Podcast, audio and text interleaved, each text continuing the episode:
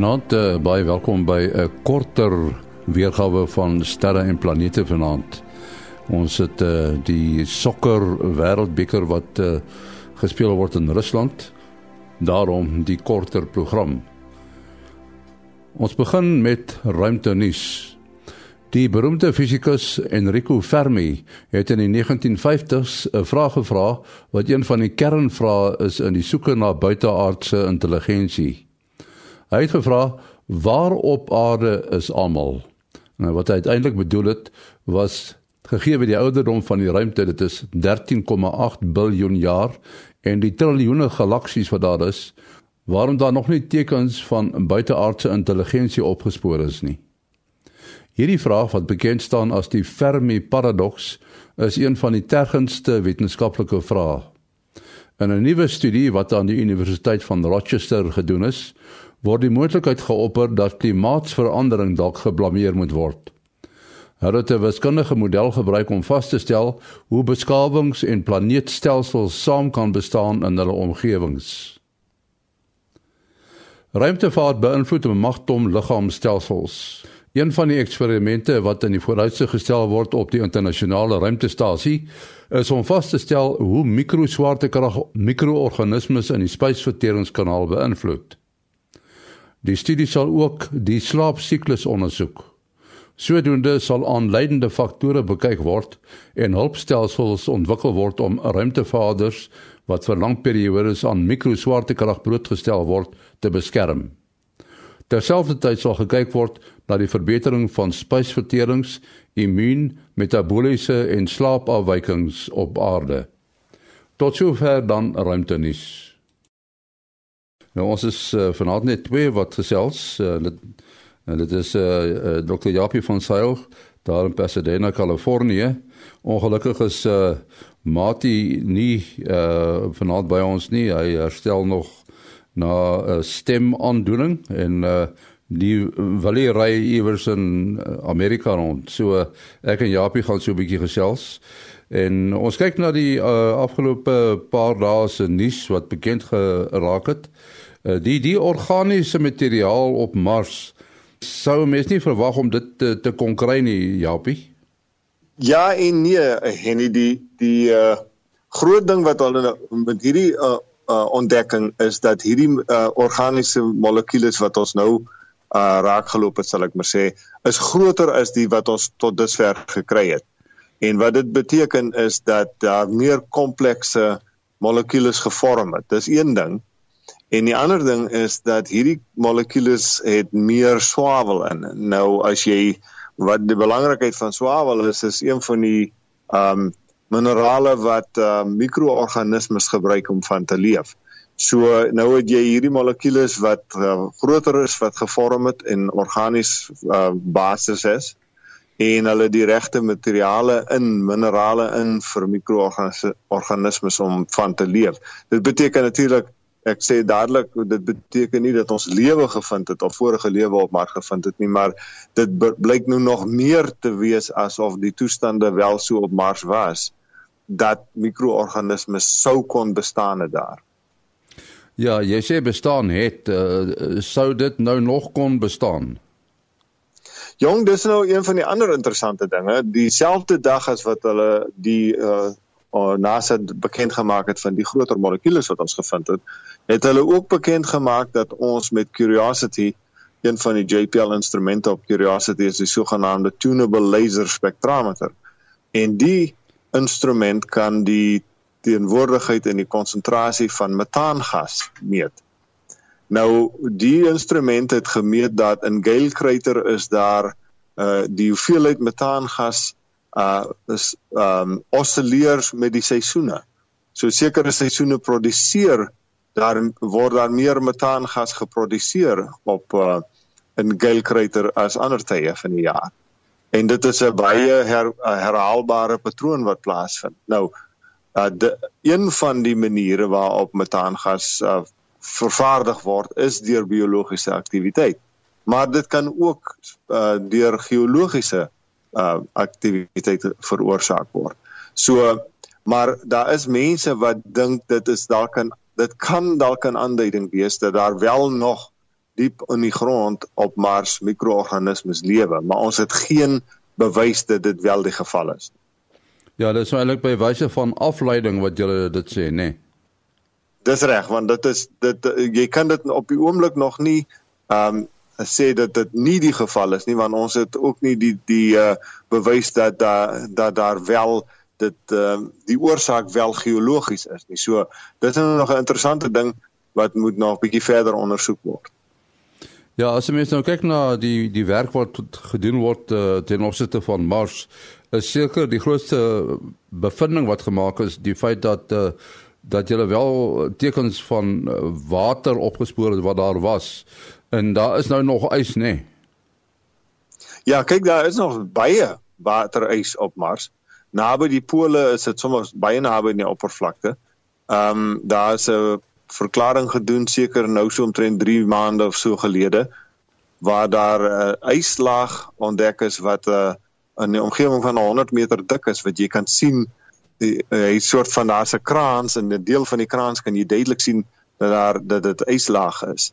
So daar is uh, baie baie waterys nog steeds vandag op Mars en die die uh, die ouens wat nou die teorie voorstaan dat wel hierdie metaangas dalk biologies veroorsaak kan word. Uh hulle dink dat miskien is daar so hier en daar nog plekke onder die oppervlakte waar dit warm genoeg is dat die ys um uh, gereeld gesmelt is sodat uh, sodat dit soort van as jy nou daaraan dink 'n warm bron uh maar die dit maak dit nou net nie tot op die oppervlakte nie.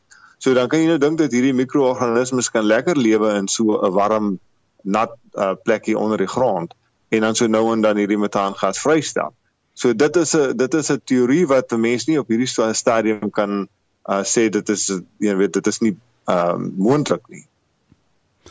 Nou, hulle het tog tekens gevind van noem dit nou maar water spore wat op uh, teen die kranse afgeloop het uh, op Mars as reg. Ja, die goeders word sogenaamde recurring slope lineae genoem uh en uh so of uh, RSL vir uh, met afkorting. En dit goed gebeur elke jaar. Nou daar's um daar's 'n bietjie van 'n stryery aan die gang. Die die uh metings wat ons van ons satelliete wat in die baan om Mars is gedoen het, dui daarop dat die die um die chemies uh chemie van hierdie strepe uh sê dat dit dalk soos 'n brak brakkerige water kan wees dit is souterigheid wat water bevat, laat ek dit so stel. So klammerige souterige plekke. Ehm uh, maar daar is ook ehm um, aanduidings dat wanneer jy die Mars oppervlakte uh verstuur veral teen 'n helling, sê net maar 'n klip breek los en hy gaan teen die helling af.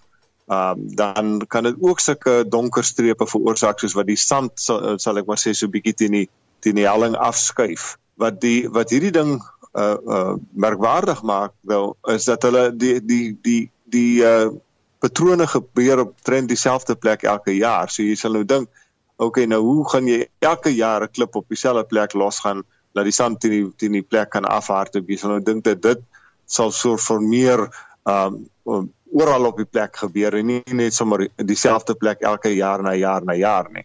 Dis meer realisties om te dink dat as daar ys naby die oppervlakte is wat dan bietjie smelt dat dit die ys na naby die oppervlakte min of meer dieselfde plek sal wees elke jaar.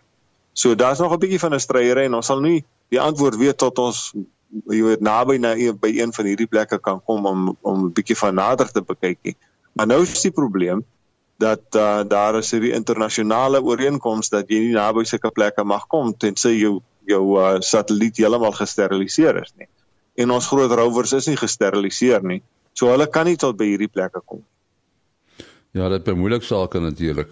Die baan ja. van Mars, uh is dit so dat hy sommige kere nader aan die son is as wat hy is op ander kere?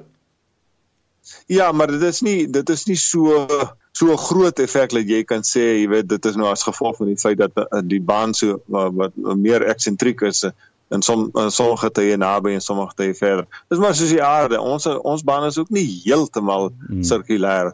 Nee, dis 'n effentjies van 'n van 'n elliptiese baan. Ja, jy uh, het gepraat oor uh, 'n uh, stofstorm uh bevorige keer uh, baie stofstorms wat op Mars voorkom. Daar's nou een blykbaar sê jy wat uh probleme vir julle veroorsaak. Ja, die die stofstorm is nou besig om nog te groei. Uh hy het nou amper al die hele planeet uh omvou. En uh die probleem wat hy vir ons veroorsaak is is ons klein uh rover wat in 2004 daar geland het, Opportunity is natuurlik uh, word met sonpanele aangedryf. En die stof is so dig dat uh, dit uh, nag is waar uh, Opportunity is. So ongelukkig kry ons nou glad nie son nie.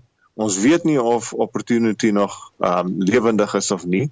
Ehm um, die hy is so ontwerp dat hy as hy uh, nou sal ek maar sê 'n regtig groot probleem ingaan dan sal hy so nou en dan so elke paar ure net so 'n paar beeps uitstuur uh om vir ons te sê ek lewe daarom nog.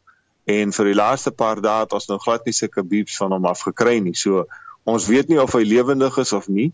Teoreties as hy te laag die die die kragte laag raak, dan sal hy basies net daar sit en wag tot hy weer son kry en as hy dan sy son op die panele kry, dan sal hy ons weer probeer bel. Uh maar uh, as die battery gevries het omdat dit te koud geraak het, dan uh, dan sal ons hom dalk nie weer hoor nie. So dis nou vir ons 'n bietjie van 'n spanningsvolle tyd uh om om te sien hoe hierdie stofstorm nou homself daar uitwoed van van hierdie goeters kan 2 tot 3 maande aanhou. So dit kan 'n bietjie van 'n lang wag vir ons wees.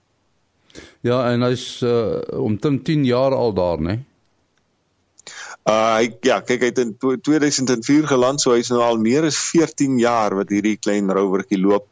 Uh en hy was oorspronklik veronderstel om net vir 90 dae te hou. So dit is natuurlik nou 'n uh, uh sal vir ons 'n bittersoete ding wees as hy nou nie weer terugkom na hierdie stofstorm nie. Die ander ding wat natuurlik vir ons belangrik is omtrent hierdie groot stofstorm is uh soos jy weet ons uh InSight uh satelliet is op pad Mars toe. Hmm. En ons hoop nou hierdie ding kalmeer en gaan weg voordat ons moet land want dit gaan 'n raggiese probleem wees om met so 'n groot stofstorm te land.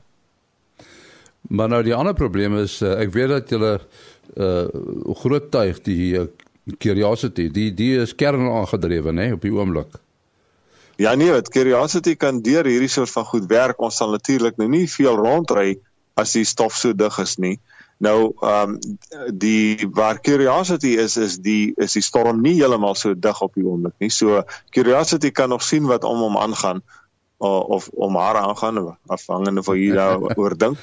Ehm um, en so uh die op die oomblik kan curiosity nog daarmee aangaan met met uh, sy werk, maar uh as die stof te dig raak sal ons hom ook maar net stil hou. Dit sal nou nie 'n probleem wees vir hom dat hy op die ouend uh nie sal werk nie want hy het mos nou die kern aangedrewe bron so hy kan hy kan homself warm hou en al so aan. Hy sal maar nou net wag tot ons weer kan sien waar ons moet ry. Maar as jy 'n plan nie om in die volgende tuig wat nou uh, daar in die 20er jare opgaan dat dit ook weer uh, sonpanele gaan hê nie. Nee, die eerste een wat nou weer nog uh, opgaan, die groot uh, Mars uh, 2020 wat sy naam op die oomblik. Hy gaan in 2020 gelanseer word en hy hy is basies 'n uh, uh, replika van Curiosity. So hy dieselfde kernbron. Maar die volgende een daarna sal heel waarskynlik ook weer son aangedrewe wees. Uh dis nou maar iewe hierdie stofstorms gebeur nou maar op Mars. Uh ons uh, sal ek maar sê ons weervoorspellers het vir ons gesê die volgende paar maande uh is daar 'n uh, um, verhoogde kans dat daar groot stofstorms sal wees en dit dit nou gebeur. Um ons het gedink dit sou 'n bietjie later in die jaar eers kom. Maar aan die ander kant sal ek bly wees as hierdie ding homself uitwoed voordat ons nou daar aankom met um met insight sodat ons kan veilig land daar sien. Ja, dit is uh, 'n uh, moeilike saak en die ruimte bly maar in 'n sekere sin 'n rowwe plek. Ja nee, kyk, dit uh, jy moet uh, jy moet maar so 'n bietjie uh, sien wees van staal hê met hierdie soort van goederes want uh, daar's niks wat jy daaraan kan doen nie. Jy weet jy's nou nie daar wat ons kan sê ons kan nou dit doen of dat doen nie. Jy sien nie wat aangaan nie want uh die rover is jou oë en as die rover nou dood is dan sien jy nou niks nie. En dan net heel kortliks ons het al gepraat van die Grace Follow On projek. Dis die satelliete wat om die aarde wentel, uh twee wat baie naby aan mekaar wentel. Uh hulle het mos nou 'n mikrogolf aftaster uh, toets gedoen. Dis reg. Ja, kyk, ehm um, die Grace satelliete hulle meet hoofsaaklik die verspreiding van water in die in die aarde se kors. En uh om dit te meet moet ons uh, ons doen dit eintlik in indirek deur die swaartekrag van die aarde te meet. Nou, water is swaar, water weeg 1 kg per liter. So as jy 'n klompie water op 'n plek neersit, dan is daar meer massa en meer aantrekkingskrag, swaartekrag vir daai deel van die aarde. Maar om dit te kan meet, akkuraat te kan meet, moet ons die afstand tussen hierdie twee satelliete meet tot ongeveer die die dikte van 'n mens se haar. En hulle vlieg so ongeveer 200 km uitmekaar uit. So jy kan nou dink die die aftaster moet baie baie akkuraat meet. Uh uh dis so 1 mikron uh per uh, sekonde wat ons die die afstand tussen die satelliete meet. En hulle is nou nie lank terug nie gelanseer die nuwe twee wat nou die vorige Grace satelliet het sal vervang. En uh, hulle het nou vir die eerste maal hulle aftasters getoets uh en uh, was baie baie suksesvol. Hulle hulle is voldoen aan al die vereistes wat ons uh, vir hulle gestel het. So dis 'n baie goeie nuus sover. En uh is daar 'n moontlikheid dat uh die aftaster se meting kan uitgaan of bly hy presies wat hy soos wat hy is? Nee, da hulle eh, die vorige satelliete hierdie is gebaseer presies op die vorige satelliete wat ons ge, uh, gevlieg het, die die twee Graces wat in ek dink in die jaar 2000 as ek reg onthou gelanseer is, 2000 of 2001. En ehm um, die stelsels is baie stabiel. So as ons hom in in in die werk gekry het, uh dan gewoonlik sal hy sal hy goed werk. Nou wat Grace Follow on 'n bietjie interessant maak is ons het ook 'n nuwe tegnologie op met wat lasers gebruik en nie net mikrogolwe nie. Omdat die laser se golflengte korter is as die mikrogolwe, kan jy uh, teoreties meer akkuraat die afstand tussen twee satelliete meet. Uh so hulle gaan dit ook nou nog later toets. Dit dis nou nog nie uh, uh, sal ek maar sê in die ruimte op hierdie stadium getoets nie. En dit was eintlik 'n tegnologie wat ons oorspronklik ontwikkel het om satelliete baie baie akkuraat die afstand tussen satelliete te meet uh, uh nog omtrent 'n uh, faktor van 1000 meer akkuraat as wat ons op uh, Grace nodig het om om gravitasiegolwe op te spoor. So dis nou 'n baie interessante um tegnologie demonstrasie wat binne die volgende paar maande te toets. Ja, Japie, baie dankie vir jou bydrae vanaand. Ons het nou 'n bietjie korter gepraat daar met dokter Japie van Sail daar van uh JPL, Pasadena, Kalifornië uh die sokker uh hou die mense ook besig. Uh Japie, miskien net jou uh, besonderhede? Uh ja, Henny, my e-posadres is japiejpl@gmail.com. japiejpl@gmail.com. En my uh, e-posadres is gewoonlik maas.henny@gmail.com. maas.henny@gmail.com. Volgende week is ons terug. Tot dan, alles van die beste.